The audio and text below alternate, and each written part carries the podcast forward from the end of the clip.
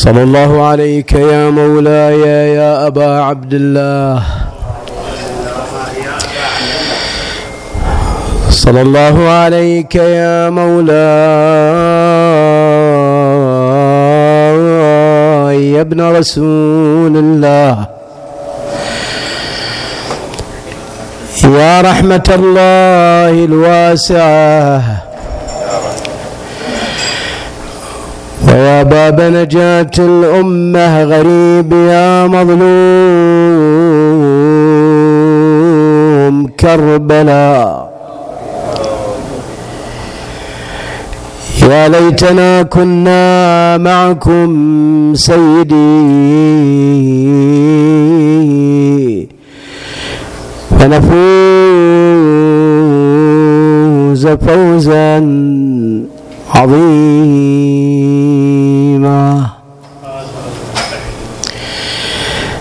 من ذادها من ذادها مضر الحمراء وعدنانا.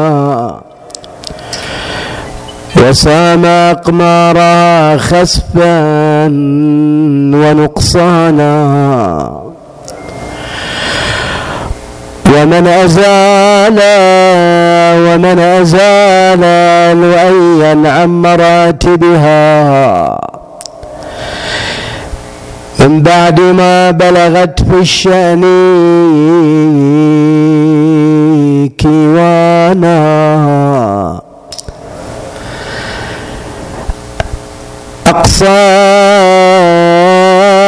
أقصات قصيا ونحت هاشما وأبت إلا الضلال وأدنت من لها دانا وحاربت أحمد المختار خيرتها واستأصلت نسله شيبا وشبانا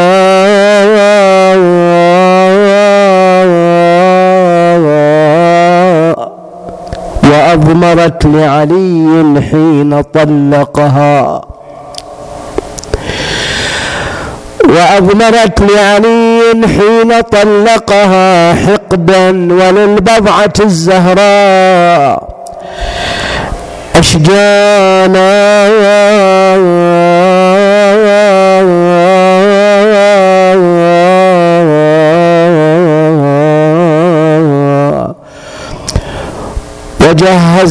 وجهزت لحسين جيشها فعدت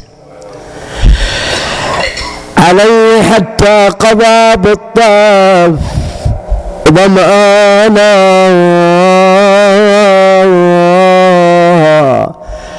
لم أنسى زينب بعد الخدر ثاكلتان.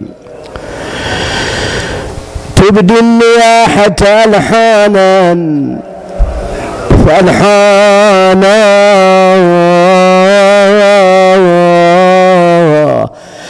مسجورة القلب إلا أن عينها كالمعصرات تصوب الدمع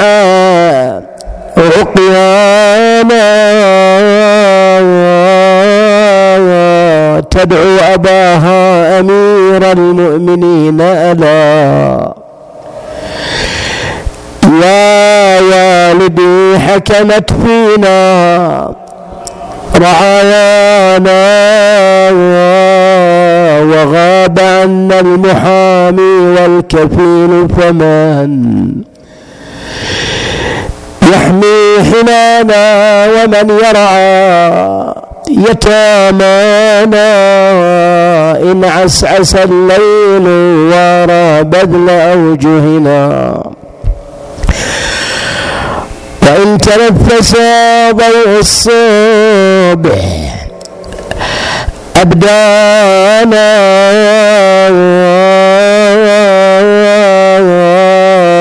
فنهاض يا أمير المؤمنين. فانهض لعلك من أسر ألم بنا. تفكنا وتولى قتلا تفكنا وتولى دفنا قتلانا. وتنثني تارة تدعو أحبتها.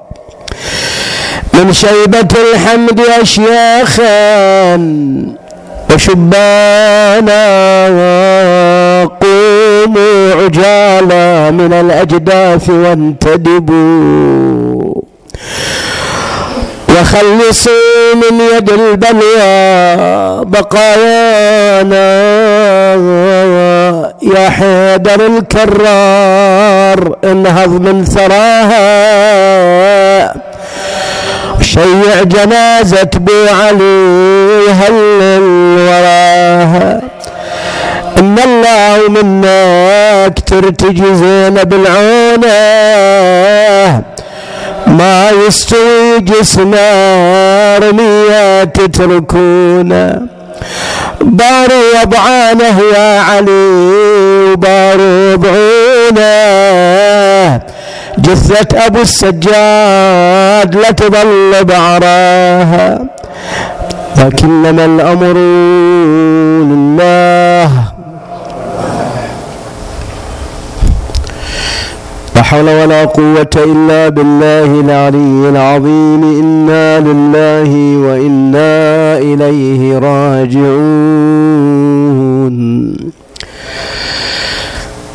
وسيعلم الذين ظلموا أي منقلب ينقلبون. والعاقبة للمتقين.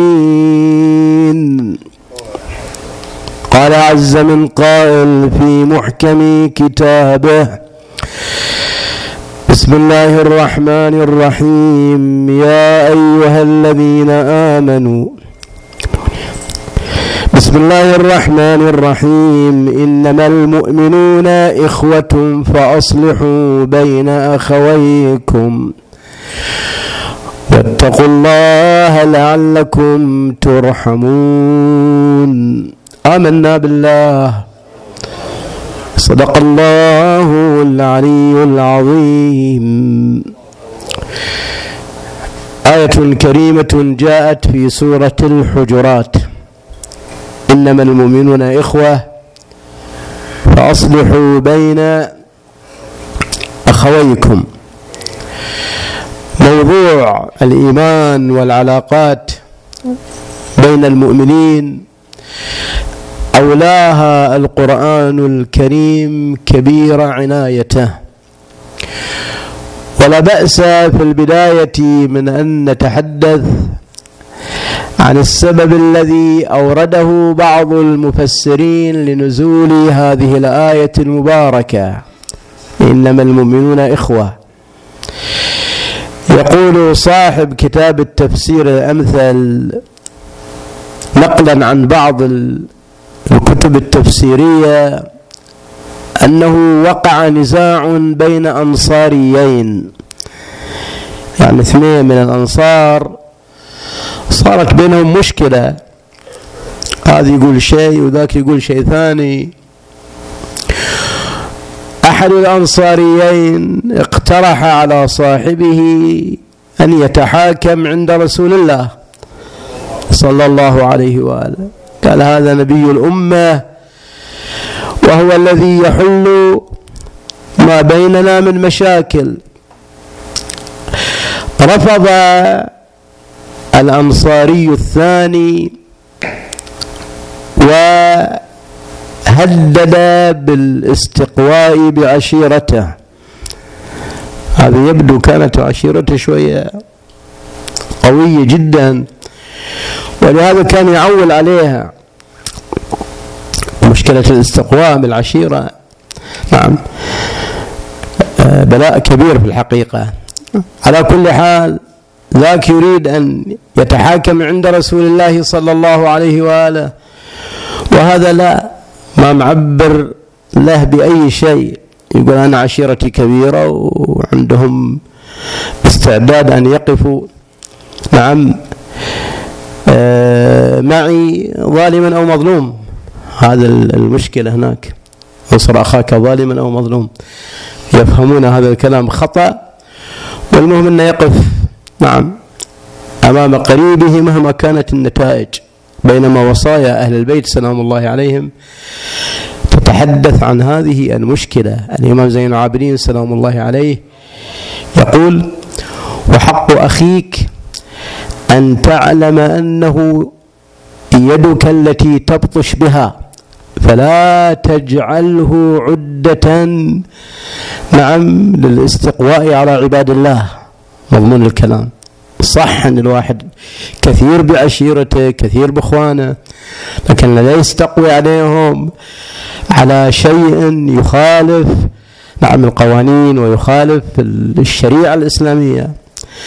على كل حال على إثر هذا النزاع نزلت الآية المباركة والآية التي سبقتها أيضا.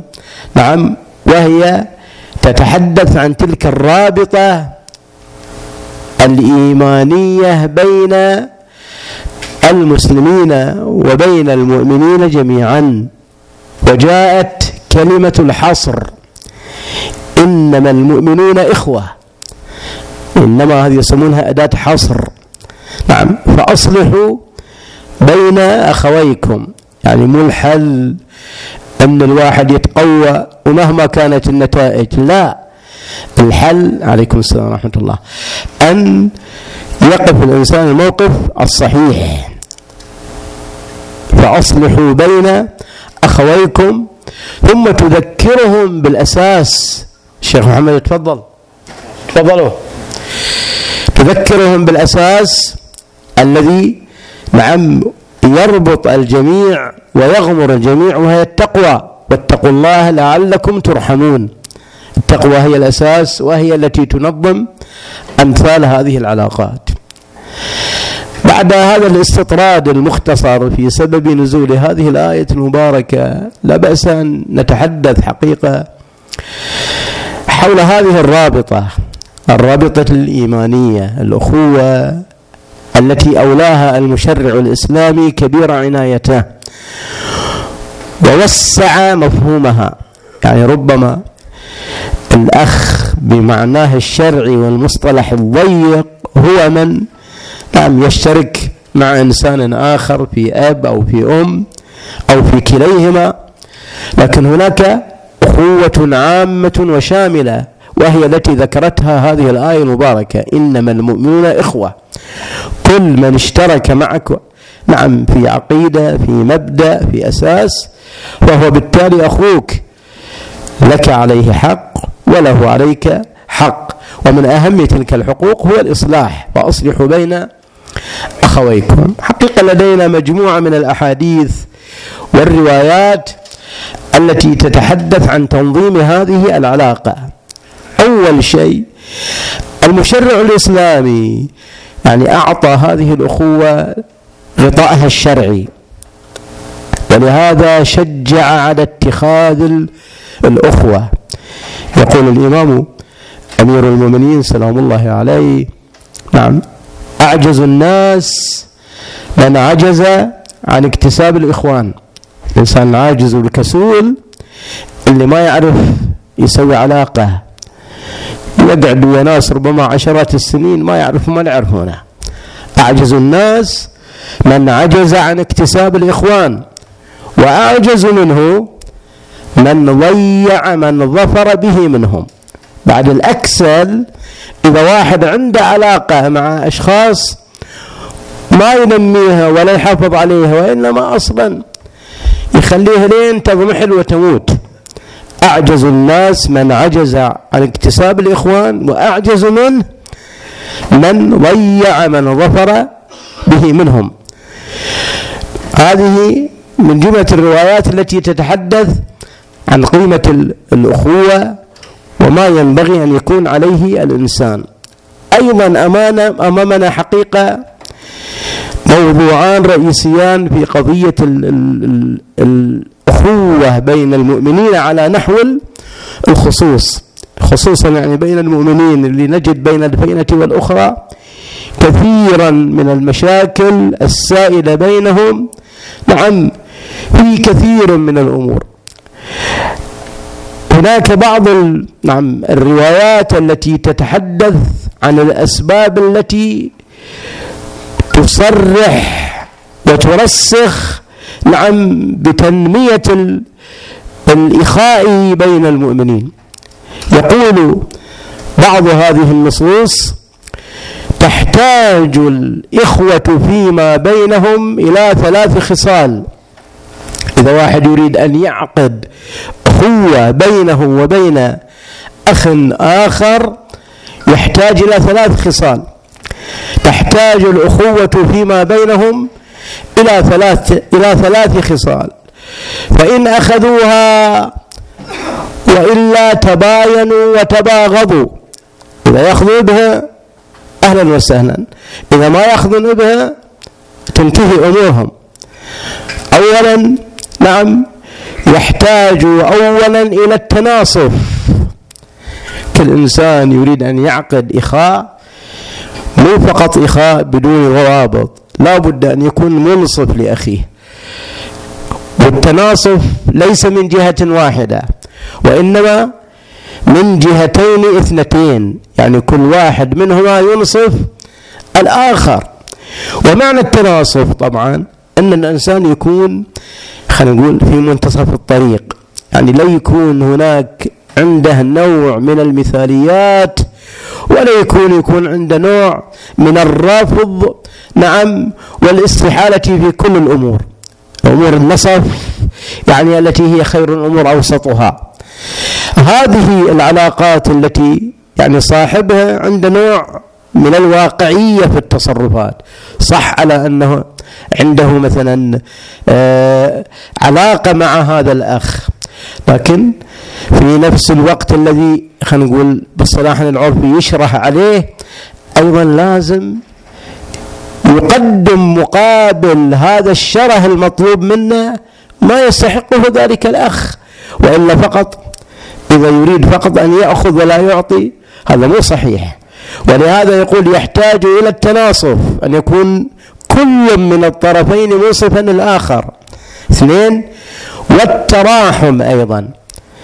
التراحم معناها أن تكون عند كل منهما هذه الصفة ألا وهي الرحمة ألا وهو العطف الذي هو سمة المؤمنين فبما رحمة من الله لنت لهم ولو كنت فظا غليظ القلب لانفضوا من حولك. يقول ونفي الحسد.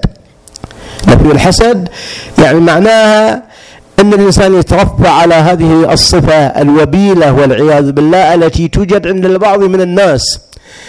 يعني أحيانا مثلا يشوف واحد الله سبحانه وتعالى أنعم على إنسان آخر بدل ما أنه يتمناه الخير بدل ما أنه يسعى أن يحصل على ما يحصل عليه ذلك الإنسان. لا تكون عنده هذه الصفة السيئة والعياذ بالله. يبغي له الغوائل يبغي له زوال تلك النعمة. هذا ما يسمى بالحسد. إذا حصلت هذه الأمور أكو تناصف بين الطرفين أكو تراحم بينهم وماكو بينهم هذه الصفة يكون بناء هذه العلاقة بناء نعم صحيحا. هذا بالنسبة للشروط التي ترسخ تلك العلاقة بين المؤمنين بعضهم مع بعض.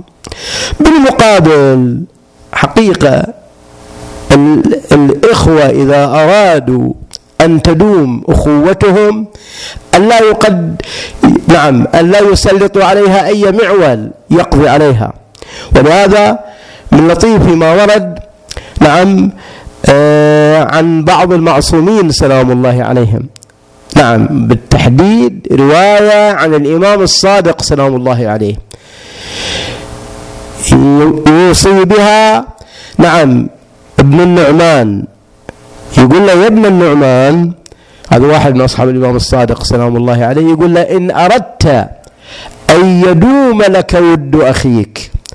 إذا تبي هذه العلاقة بين إخوانك موجودة إن أردت أن يدوم أن يدوم لك ود أخيك فلا تمازحنه هذا أول. نعم شرط من الشروط التي من خلالها تدوم تلك المودة وتدوم تلك المحبة بين الأخوين. لا يكثر الإنسان المزاح ولا يكثر الإنسان مثلا أنه بكل سهولة يتجرأ عليه بكل سهولة مثلا ربما يسمعه بعض الأشياء التي لا يرتاح لها. يعني كثرة المزح لا شك على أنها أحد المعاول التي تهدد كثيرا من العلاقات. ولهذا ورد في بعض الروايات من مزح مزحة نج من عقله نجه هل مزحة التي تكون أحيانا مثل ما نقول ما لها طعم؟ هذه طبعا حقيقة تسلط كثيرا من المعاول على هذه العلاقات. فلا تمازحنه بعد ولا تمارينه. المراء شنو؟ يعني اللي يسوي أسوي مثله. إذا سوى هذا الشيء أحاول أني أقلده. هذه يسمونها مماراة. نعم. المماراة هذا مشكلة من المشاكل في الحقيقة. ولهذا ورد في كثير من القضايا النهي عن المماراة. وهذا ربما يكون في كثير نعم من القضايا السكنية مثلا. مثلا بعض الأشخاص يبني له بيت مثلا. يحب أن يكون عنده نوع من التميز وهذه مشكلة بعد التميز. أذكر كنا في النجف يا أبو علي يوم من الأيام أحد سكان المدرسة غرفتي يبي فيه ميزة شوي. ولهذا كانت بقية الغرف أصباغها قديمة وهي صبغ تلك الغرفة نعم بلون جديد. جاء قرار من إدارة المدرسة بصبغ الغرفة تمام بصبغ المدرسة كلها. صارت الآن غرفته ما لها ميزة على شو اسمه على غيرها. قام خلى في مقدمته نقاط معينة. حتى تتميز هذه الغرفة عن بقية الغرف. فأحيانا أكو بعض الأشخاص ربما عندهم هذا النفس يريد أن يكون لديهم نوع من التميز نوع من كذا وكذا. فإذا كل إنسان بيقلد على الآخر يسمونها مماراة. المماراة ربما تكون أسبابها أحيانا نعم بسيطة كما لاحظنا لكنها قد تشتد أحيانا ولهذا يقول لا تمازحنه ولا تمارينه. ولا تباهتنه. البهت طبعا صفة ذميمة جدا والعياذ بالله وهي أن الإنسان يسوق بعض التهم التي هي غير صحيحة. هذا اسمه بهت. من أهم الأسباب التي تفسد الود بين المؤمنين أن الإنسان نعم يسوق بعض الأشياء حتى لو كانت بداعي المزح. يبهت هذا الإنسان. يقول في أشياء غير صحيحة. هذا غير صحيحة. نعم. فلا تواهتن. بقى شيء حقيقة عاد ما أدري أنتم كيفكم شوفوا. هل هي يعني شو اسمه؟ يقول ولا تشارينها لا تشارين هذه مشكلة ويا التجار. أحيانا تكون بعض العلاقات التجارية قبل نعم ما تتحقق بينهم عيش وملح والعلاقات جدا جدا حميمة. لكن لما تكون بينهم نعم هذه المعاملات بيع ومشترى تتغير تلك النفوس. وأنا حقيقة شاهدت كثيرا من مظاهر هذه الأشياء. يشوفهم أحيانا يجون يتحاكمون بعض الأشخاص. جدا كانوا أصدقاء. جدا كانت علاقاتهم حميمية جدا. بس صارت بينهم علاقات ومن خلال هذه العلاقات التي ينبغي أن تكون نعم في نطاقها. فسدت تلك نعم الأخوة السابقة. ولهذا يقول ولا تشارين. طبعا مو معناها أن تكون هناك مقاطعة لكن على الأقل لابد يكون كل طرف من الأطراف نعم على استعداد أن يكون على قدر هذه المسؤولية. صلى على محمد وآل محمد. الله. وسلم. على محمد اللهم صل وسلم على محمد محمد اللهم صل وسلم على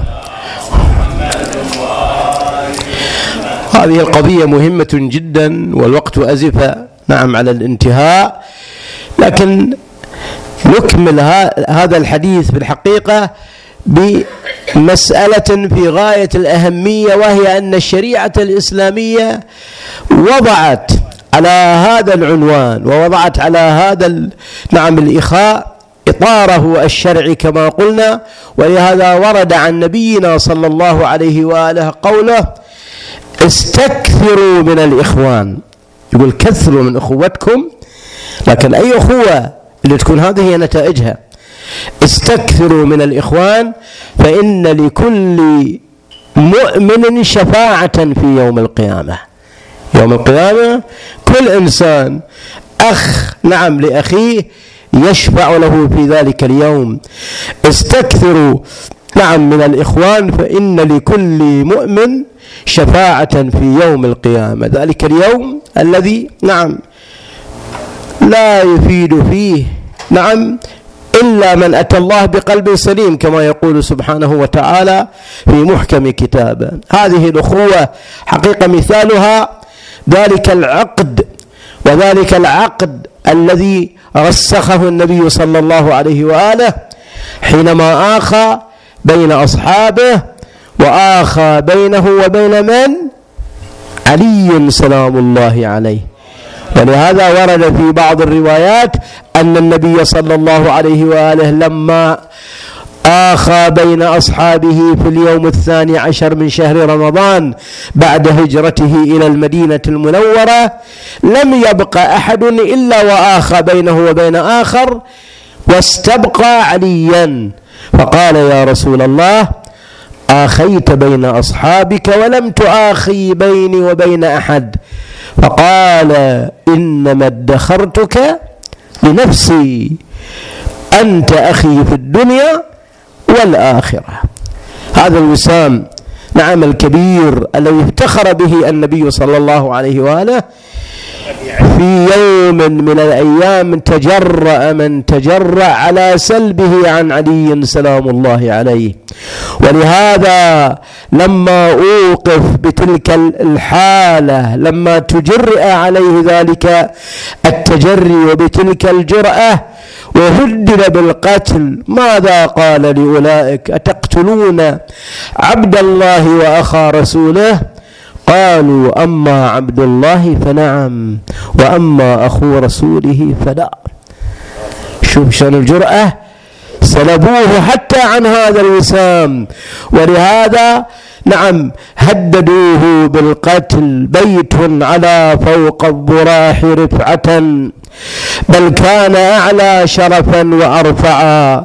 أعزه الله فما تهبط في كعبته الأملاك إلا خضعا.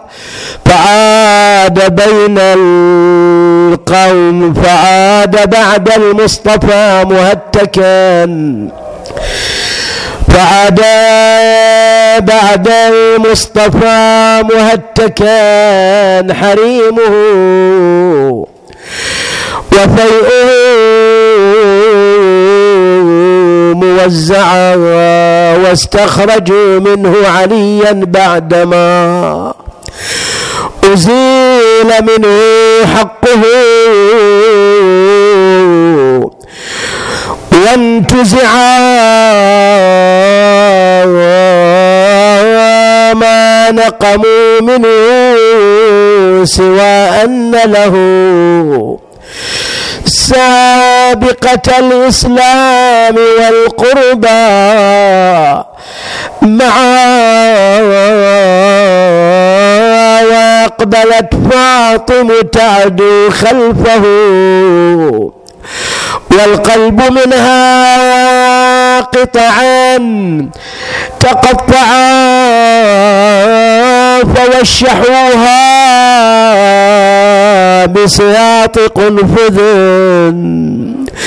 وكسروا بالضرب منها أضلعا. هل الذي كسر ضلوعي؟ قومي بلت عرفيه وهذا داحي الباب حاضر بالعجل قومي اخبريه. قالت ملبب خذوا حيدر وليتج تنظريه قايد الفرسان حيدر كيف قاده بحبل.